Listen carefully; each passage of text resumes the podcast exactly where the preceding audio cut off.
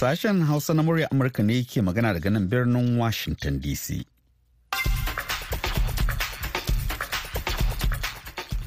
Masu sauraro barkanmu da asuba da fatan an waye gari lafiya. Suna na Sarfila Hashim Gumel tare nake da Hauwa Sharif da sauran abokan aiki. Muke kawo muku wannan shirin a yau ranar Litinin 4 ga watan Disamba na shekarar 2023. Kafin ku ji abin da muke tafa da shi, ga kanin labarai. A jiya lahadi pentagon ta ce mayaƙan hutu da iran ke mara baya a yemen sun kaddamar da hare-haren jirgi mara matuki da makamai masu linzami na tsawon sa'o'i biyar da ya auna jirgin yaƙin amurka. A jiya lahadi ne shugaban ƙasar brazil louis inacio lula da silva ya soka a birnin berlin na jamus domin halartar taron tuntuɓa na farko tsakanin gwamnatocin brazil da ƙasar jamus. Najeriya ta yi kira ga sojojin da ke mulki a niger da su saki hambararren shugaban ƙasar mohamed bazoum. To kanin labaran kenan aka saurara. Cikin shirin za a ji cewa wani bincike ya nuna cewa ana samun karuwar masu larurar taɓin hankali a Najeriya. To ko me ke kawo hakan?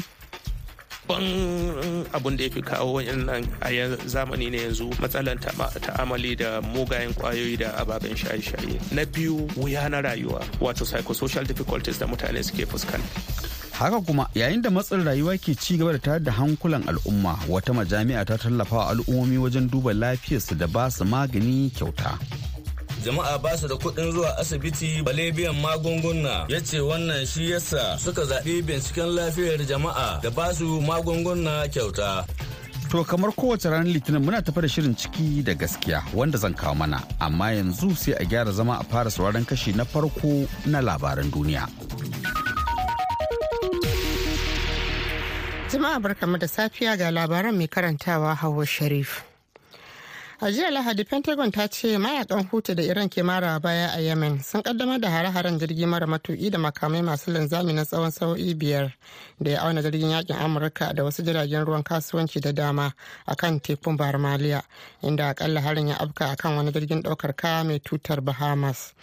tun da jijjifin safiyar jiya lahadi dakarun na hutu suka riƙa kai hari kan jiragen ruwan kasuwanci daban-daban a tekun na bahar maliya cewar ma'aikatan tsaron amurka jirgin ruwan amurka mai sunan uss kani ya riƙa kai ɗauki a wasu lokuta inda ya harbo jiragen hutu marasa matuki da suka riƙa auna inda jirgin yaƙin na amurka yake. Ma'aikatar ta ce uss kani wanda makami ne da ke lalata makamai masu linzami ya harbo biyu daga cikin jiragen marasa matuki a wani yunkuri da ka iya ta'azzara karuwar hare-hare na ruwa a yankin gabas ta tsakiya da ke da alaka da yaƙin da isra'ila ke yi da hamas na tsawon kusan watanni biyu. Ba a dai lalata jirgin ruwan na amurka ba.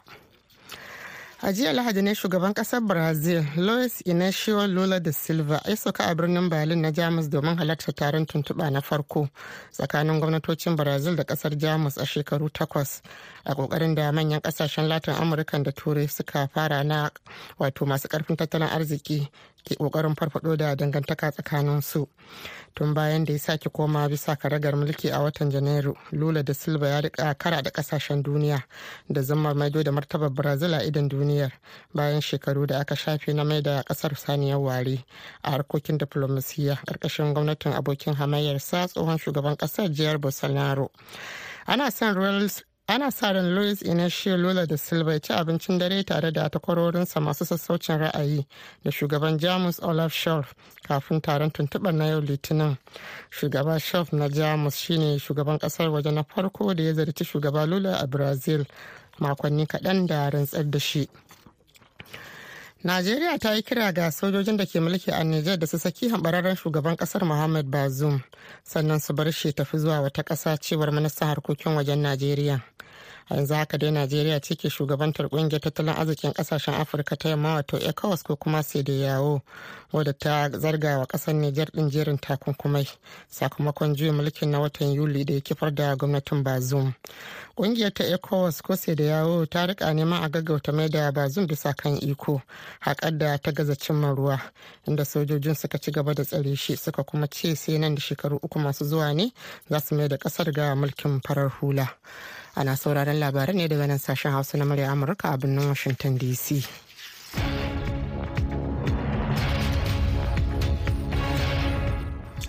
To in an jima kaɗan hawa ta sake da labarai kafin nan za mu leƙa Najeriya inda masu ruwa da tsaki a fannin larurar taɓin hankali suka gudanar da wani taro don tattauna ƙalubale tare da neman hanyoyin warware matsalolin da ake fuskanta da ke janyo karuwar masu larurar taɓin hankali da ke neman zaman ruwan dare a najeriya. Wakilinmu haruna dauda biyu na ɗauke da ƙarin bayani. Wannan taro da zai gudana na kwanaki shida a garin maiduguri a kuma asibitin masu taɓin hankali da ke garin maiduguri ya yi nuni da cewa akwai karuwar masu taɓin hankali sabida dalilai daban-daban da jama'a ke fama da shi da yada da shaye-shaye da matsalolin damuwa da ma wasu matsalolin na gado. Professor tai james obindo shine shugaban wannan ƙungiya wanda ake kira medical directors na asibitocin da ke fama da masu taɓin hankali a najeriya da kuma ya karanta bayanin bayan taron kamar haka. Figures given just about 25%. The insurgencies, kidnappings, and all that, the figure had increased. Ya ce akwai ƙididdiga kamar kashi 25 da aka bayar a ƙasar gaba ɗaya kuma shekarar 2026.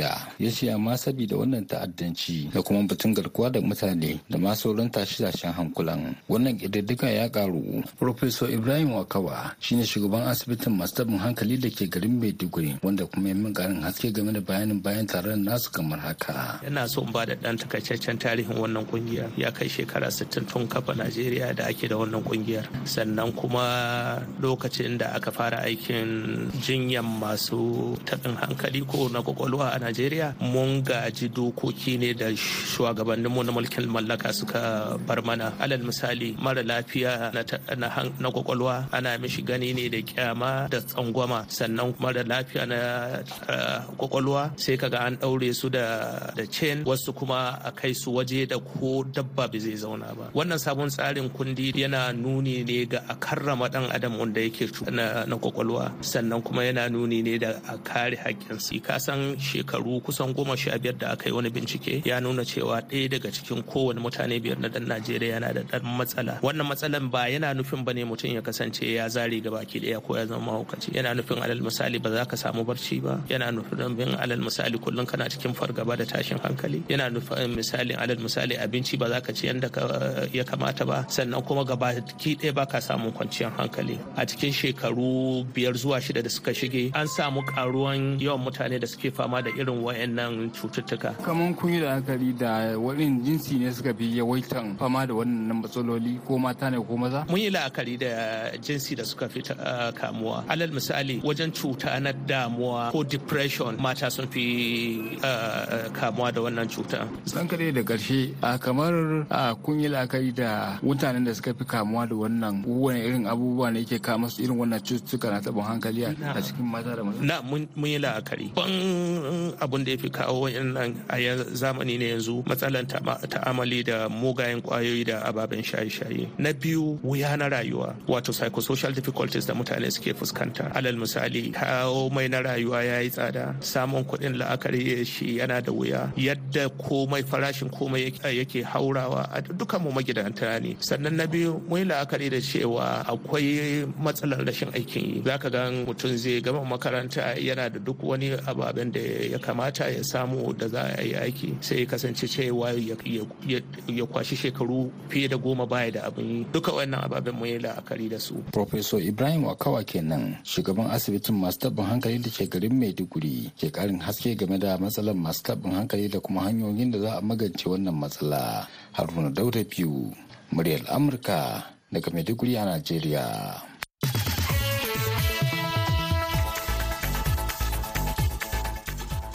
To ma da la'agai da haruna dauda biyu. Har yanzu dai kuna tare da sashen hausa na muryar amurka daga nan birnin washington dc ga hawa ɗauke da kashi na biyu na labaran duniya. A jiya Lahadi Isra'ila ta bayar da wani sabon umarni ga Falasɗinawa da ke warwatsa a kudancin Gaza da su fice daga yankin yayin da yaƙi ke ƙara ƙazanta bayan guje wato bayan rugujewar yarjejeniyar tsagaita wuta da dakarun Hamas a ranar Juma'a. Isra'ila ta shaida wa Falasɗinawa cikin harshen Larabci ta shafin sada zumuntar zamani na X da Facebook cewa yin biyayya ga umarnin ficewa daga yankin ita ce hanyar tabbatar da samun tsaron rayukanku da na iyalanku. Tuni dai dama tun a farko farkon fara yaƙin na Isra'ila da Hamas na kusan watanni biyu a yanzu. Isra'ilan ta umarci Falasɗinawa da dama da ke arewacin Gaza da su kama gabansu su fice daga yankin. a alwashinta na ƙara ƙaimi a hare-haren da take kaiwa a yankin isra'ila ta umarci falasɗinawa da ke zaune a yankuna 34 da ke kudu maso gabashin birnin kan yunis da su san inda dare musu inda suka doshi sansanin da ke almawasi mai arzikin noma da tuni ya riga ya cika ya batse da ke kusa da kogin mediterranean. A jiya lahadi ne jami'an ƙasar ukraine suka kaddamar da bincike kan zargin cewa dakarun rasha sun kashe sojojin ukraine da suka miƙa wuya bayan samun hotunan faifan bidiyo. A kafar sadarwar zamani ya nuna inda aka harbe wasu dakaru biyu sanye da kakin sojin ukraine a jikinsu. Ofishin mai gabatar da kara ya yi karin haske ta kafar telegram a jiya lahadi cewa faifan bidiyon ya nuna wani ayarin sojojin rasha sanye da kakin soji suna harbin wasu sojoji sanye da kakin sojin ƙasar ukraine da ba sa ɗauke da wani makami a lokacin da suke miƙa wuya. Faifan bidiyon ya fara bayyana ne a ranar asabar a wata kafa sadarwar tashar telegram da ake ce ma deep state da ta yi suna a ƙasar ta ukraine da ke bibiyar yaƙin da rashan ke yi da ukraine. Faifan bidiyon ya nuna sojojin da suka miƙa wuya ɗaya daga cikinsu hannun shi a sama yana tafiya da rakiyar bindiga gab da gab inda ya kwanta ƙasa kafin wani rukunin sojojin rasha su bayyana su buɗe musu wuta. Rasha dai bata ce ufan ba game da lamarin.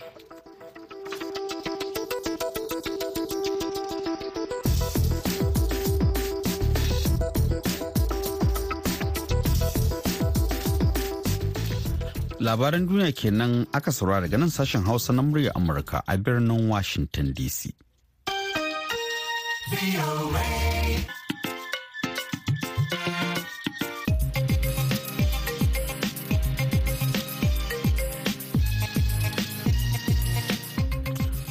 madalla a daidai lokacin da ake fuskantar wani yanayi na kuncin rayuwa a najeriya majami'ar cac ta tallafa ɗaruruwan mutane ta hanyar duba lafiyarsu tare da ba su magungunan da suke buƙata don samun musu da ɗan sauƙi a wannan rayuwa.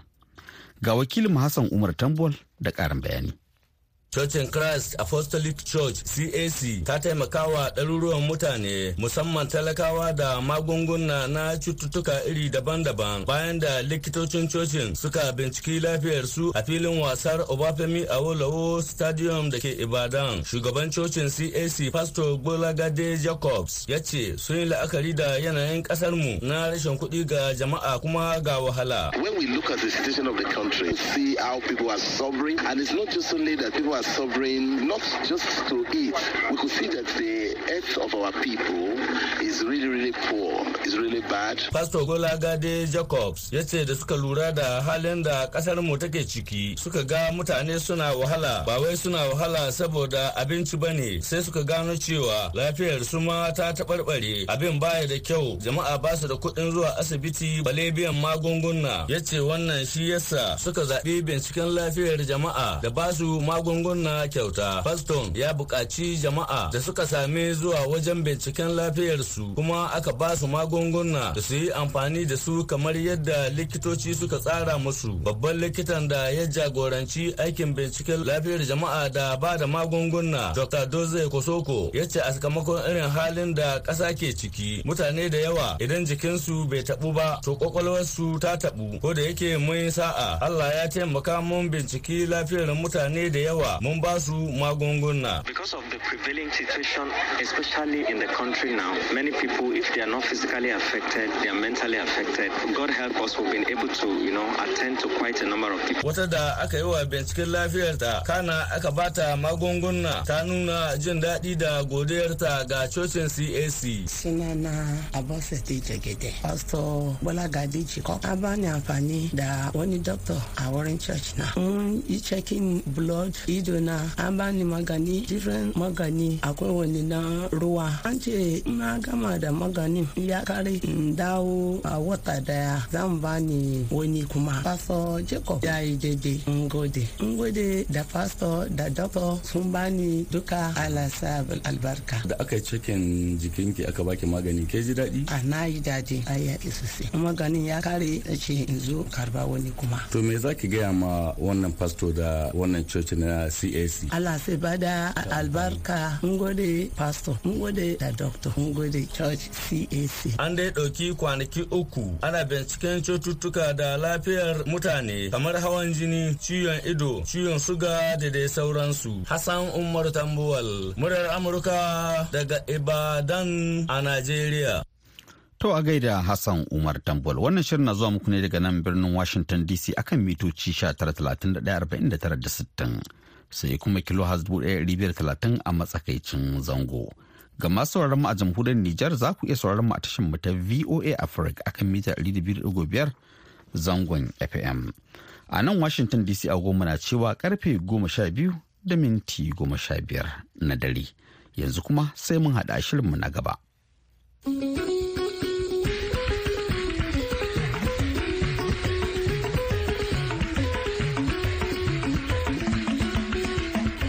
Jama'a salamu alaikum. Masu sauraro barkan mu da shirin ciki da gaskiya da har kullum kan bukarin take haƙƙin ɗan adam. Cikin shirin za a ji yadda ma'aikatan hukumar yi wa kamfanonin rijista CAC suka yi shagalin samun sabon shugaba. Ku biyo mu cikin shirin.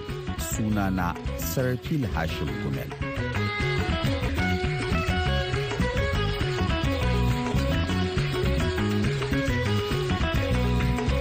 Sabon shirin zai duba dalilan da ke bayyana da na ɓoyi da suka sa ma'aikatan hukumar yi wa kamfanonin rijista ta Najeriya Corporate Affairs Commission suka yi gangamin nuna farin cikin rashin sabunta wa tsohon shugaban hukumar barista Garba Abubakar sabon wa'adi bayan shafa shekara uku da wata tara kan kujera.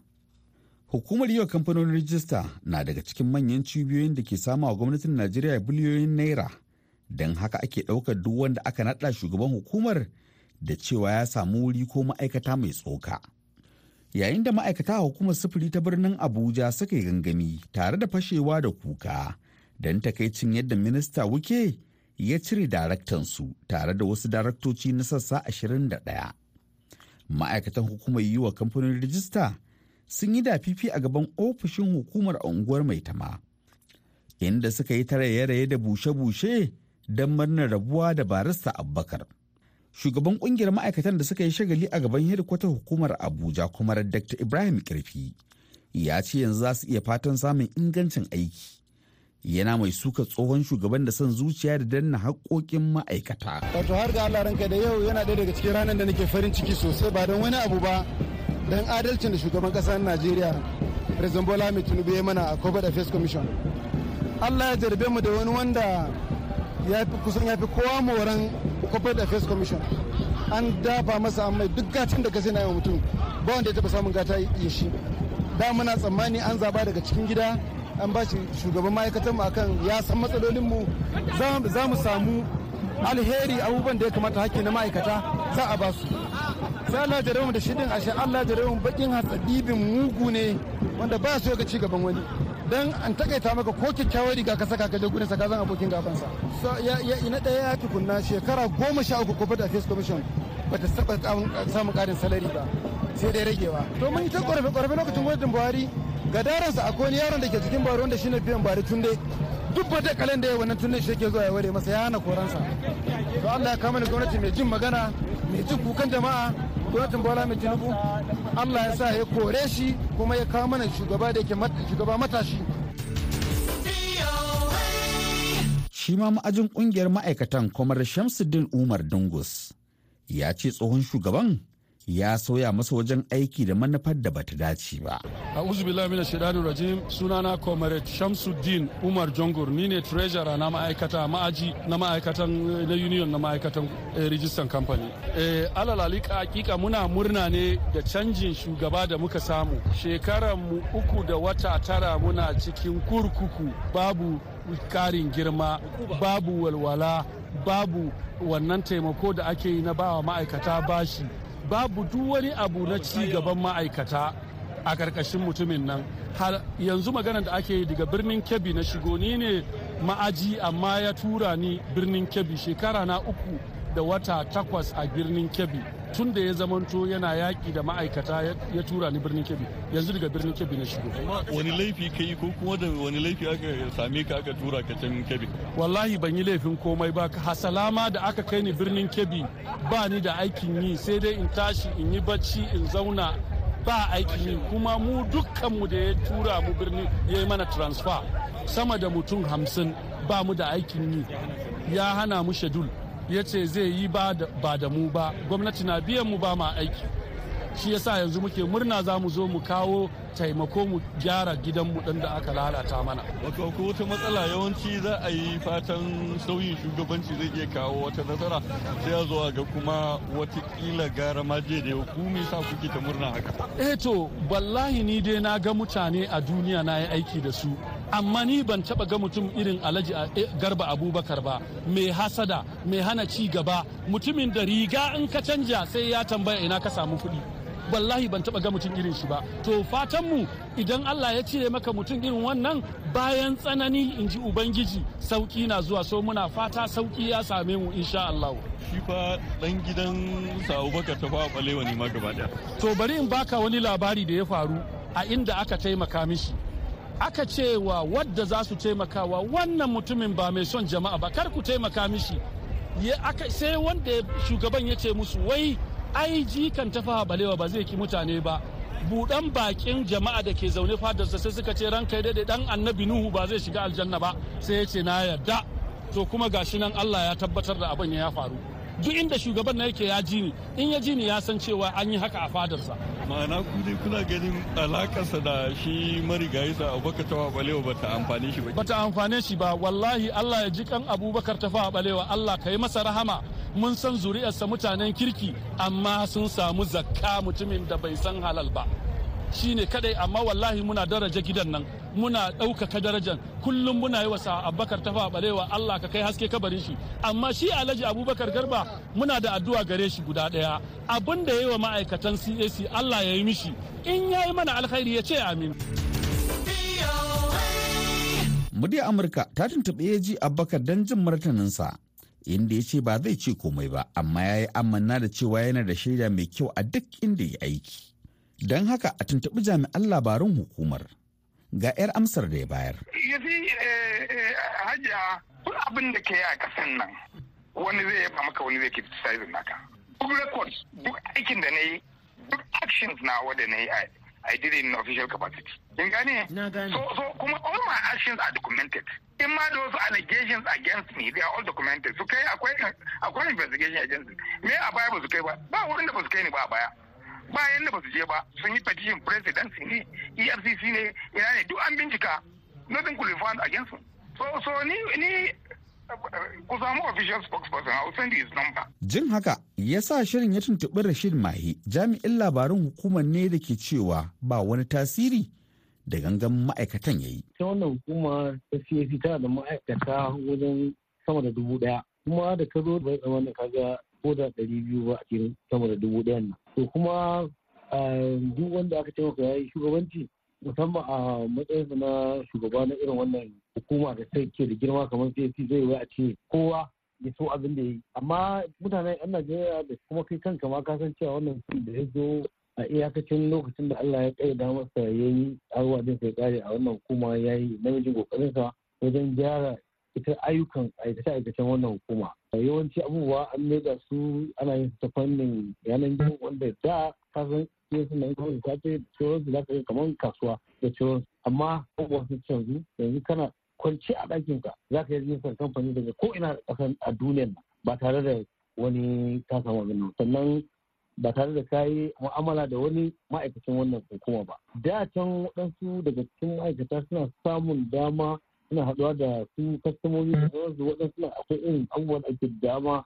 Haka da staff daga an kai su EFCC su suna ba da shaida da sauransu. Amma yanzu duk wani abubuwan su rabu. A gefen mu akwai wurare da dama aka yi signature signature na ƙarya a zo a shigar a cikin ita wannan manhajar yanzu a cikin ita wannan hukuma a shigar don a yi wannan kamfani. Amma yanzu duk wani an kawo su babu to kaga dole ko akwai mutane da dama wanda yake ba su ga haka ba sannan waɗansu kuma wani alal misali kana aiki ko alal misali a nan abuja an ce to an kai ka ka je ka aiki a bauchi ko ne yana aiki a bauchi an ce masa zo abuja sai ce shi ba kyauta samu sana to yana haka ba to ire-iren su irin waɗannan da waɗansu ma wanda yake suna da abubuwa da ya shafi maganan suna da kesin wanda ya shafi suna gaban kamar kuliya ba a ba nan ba wani ma kamar shugabannin wani shugaban da ya zo ja wani a yanzu haka an dan yana dakatar an dakatar da shi ma daga cikin wannan hukuma. Kana kana maganan Ibrahim Kirfi ne? Eh to ba dai sai na kira wani suna ba dai amma dai akwai dai wanda ne daga cikin su wanda an dakatar da shi. Kuma kai in kana so in kira sunan ma zan iya kira Ibrahim eh ka kira suna. A yanzu eh yanzu haka yana dakace. A yan da nan suna a hukumance hukuma ce ta dakatar da shi ba wai sai jabakan ne dakatar da shi ba. A hukumance ne su dakatar da shi. To kaga wanda aka dakatar da shi a hukumance ai na ga bai kamata ce ya zo ya tara wadansu mutane ya zo ko kuma in ya tara mutanen ma to kaga za ka iya gane dalilin da ya sa ya tara mutane. Wato Rashid Rashid mai kafin ka ci gaba. Wato abin da suka yi zargi shine shi eji abubakar kusan albasa ce ba ta yi halin ruwa ba. Kasancewa na jikan ta fa balewa amma sai ya tsawo gaba da mutane ga ɗaukar gulma kamar mata haka yake. Ah to gaba da mutane suka faɗi irin gaba ai gaba jinsi ne. To ba a san wani irin gaba suke magana ba. Idan yana gaba da wani wanda yake sace fayil ai kaga ai wannan ya daidai. In ko yana gaba da wanda yake ɓata harkar bai so aiki tafi daidai ai wannan yana kan bisa ƙa'ida. Ko ba gane ba idan yana gaba da wanda bai zauna ya aikin sa ai wannan yana yana kan ƙa'ida. Wanda kuma shine abin da su ta fa ma suka yaki da shara da gaskiya tsaya kan gaskiya da ainihin riƙon amana ba sa cin amana ba sa abin. To shine abin da zubin da sa kenan.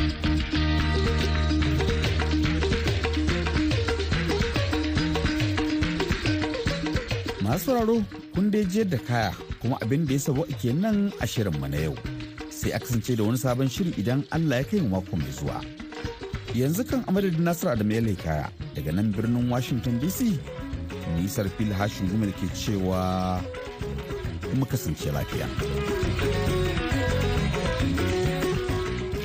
To madalla kafin mu kai ga shirinmu na ƙarshe ga wannan saƙon.